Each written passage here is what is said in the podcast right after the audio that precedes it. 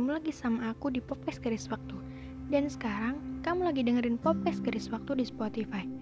Podcast eksklusif yang bisa kamu dengerin setiap saat. Selamat mendengarkan ya. Kamu apa kabar?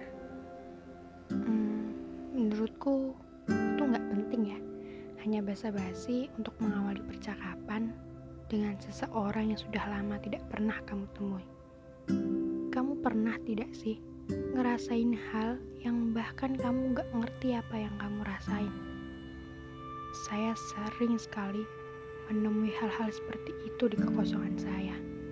Rasanya tuh gelisah, galau, sudah macam orang patah hati. Ya, walau saya tahu patah hati hanya untuk orang-orang sedang jatuh cinta.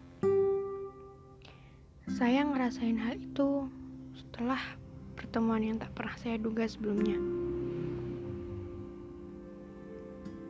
Saya tidak pernah pikir akan bertemu seseorang yang dulu pernah melukis hari-hari saya dengan penuh warna. Dan lalu dia memilih jalannya sendiri tanpa saya. Saya pikir setelah dia memilih jalannya, setelah bertemu, tidak akan sesimpati itu terhadap saya. Tapi saya salah. Ternyata dia seolah-olah menunjukkan perhatiannya terhadap saya.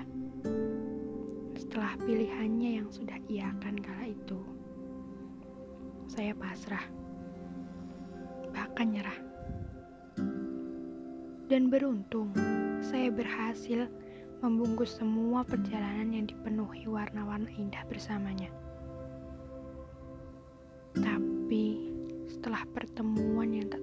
Itu, entah apa rencana Tuhan memperlihatkan dirinya lagi terhadap saya. Seakan-akan membongkar semua kenangan yang sudah saya susun rapi. Jujur, saya memang belum terlalu menutup rapat-rapat kenangan itu.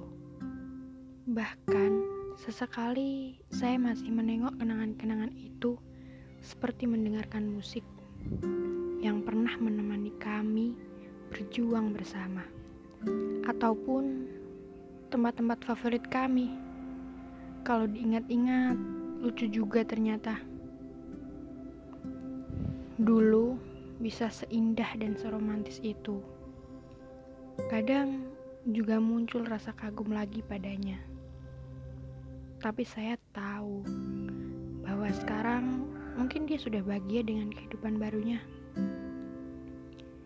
Jadi, saya memilih untuk menyimpan rasa kagum saya bersama memori-memori yang sudah saya susun rapi.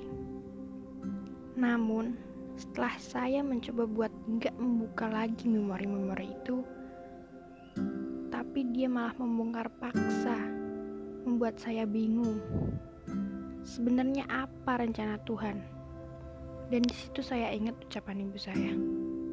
Apa pun rencana Tuhan, itu yang terbaik. Tinggal kamu menyikapinya seperti apa. Semua pertanyaan yang datang dari otakmu itu jawaban dari hatimu. Mungkin itu yang bisa saya ambil dari ucapan panjang lebar seorang ibu-ibu yang sedang menasihati anaknya agar menjadi wanita yang kuat dan hebat. Saya yakin di balik semua kejadian, datang dan perginya dia, dan bahkan kembalinya dia, itu untuk menguji saya agar saya bisa jadi orang yang lebih kuat, kuat di segala cuaca, sekalipun badai yang bisa memporak-porandakan semuanya.